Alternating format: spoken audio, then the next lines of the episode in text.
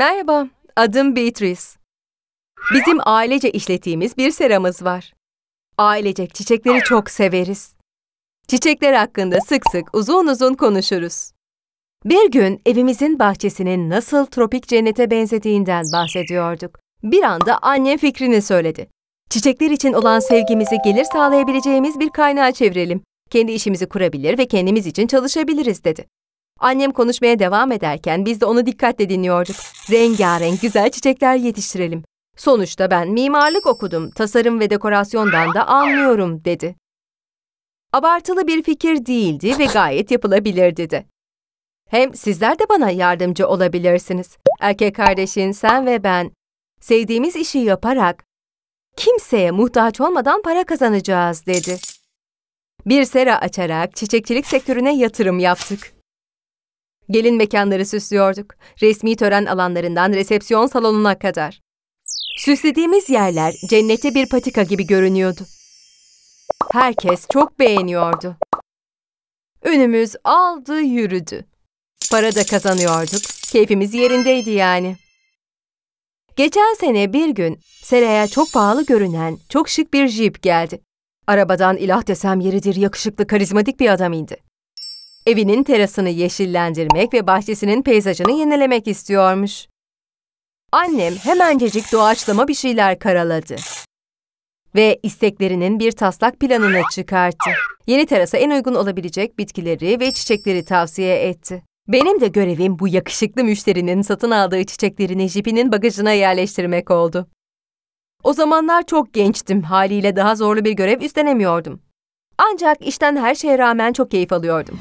Anneme göre birileriyle çıkmak için çok gençtim, balık etli ve boylu posta olduğumdan yaşımdan büyük gösteriyordum. Hem genç hem de yaşça büyük erkekler dönüp bir daha bakarlardı. Her neyse, çiçekler ezilmesin diye plastik aparatlarla destekleyerek dikkatlice bagaja yerleştiriyordum.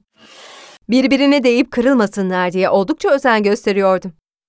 Ben bu işi yaparken yakışıklı müşterimiz de çiçekleri yere diziyordu. Birdenbire konuşmaya başladı. Merhaba, nasılsın? Günün nasıl gidiyor demez mi?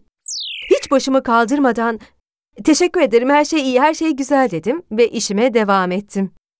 Çok güzel çiçekler aldım, hepsi harika görünüyor, teras muhteşem olacak dedi. Evet, annem yaptığı işte gerçekten çok iyidir, terasınız şahane olacak dedim. Bu işte müşterilerle sohbet etmek nadir rastladığımız bir durum değildi.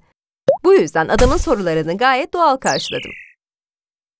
Ancak hiçbiri bana çıkma teklifi edebilecek cüretkarlıkta değildi.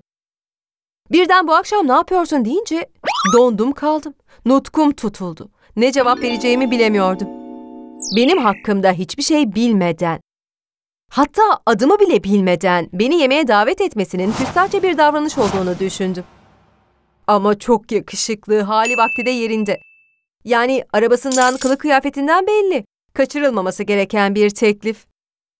O an aklımdan bir sürü şey geçti. Belli mi olur? Belki de hayatımın aşkı oydu. O yüzden bence reddetmemeliydim. Ama hevesli de görünmek istemedim. Sonunda cevap verebildim. Benimle yemeğe çıkmak için annemden izin almanız gerektiğini düşünüyorum dedim.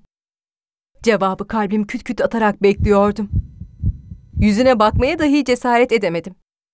Sevgilim, yarım saate kadar oradayım, umarım hazırlanmış olursun demez mi? Meğer telefonda karısıyla konuşuyormuş, ben bagajın içinde bunu görmemişim. Beni duyup duymadığını bilmiyorum, duyduysa da kibar adammış, bir şey söylemedi.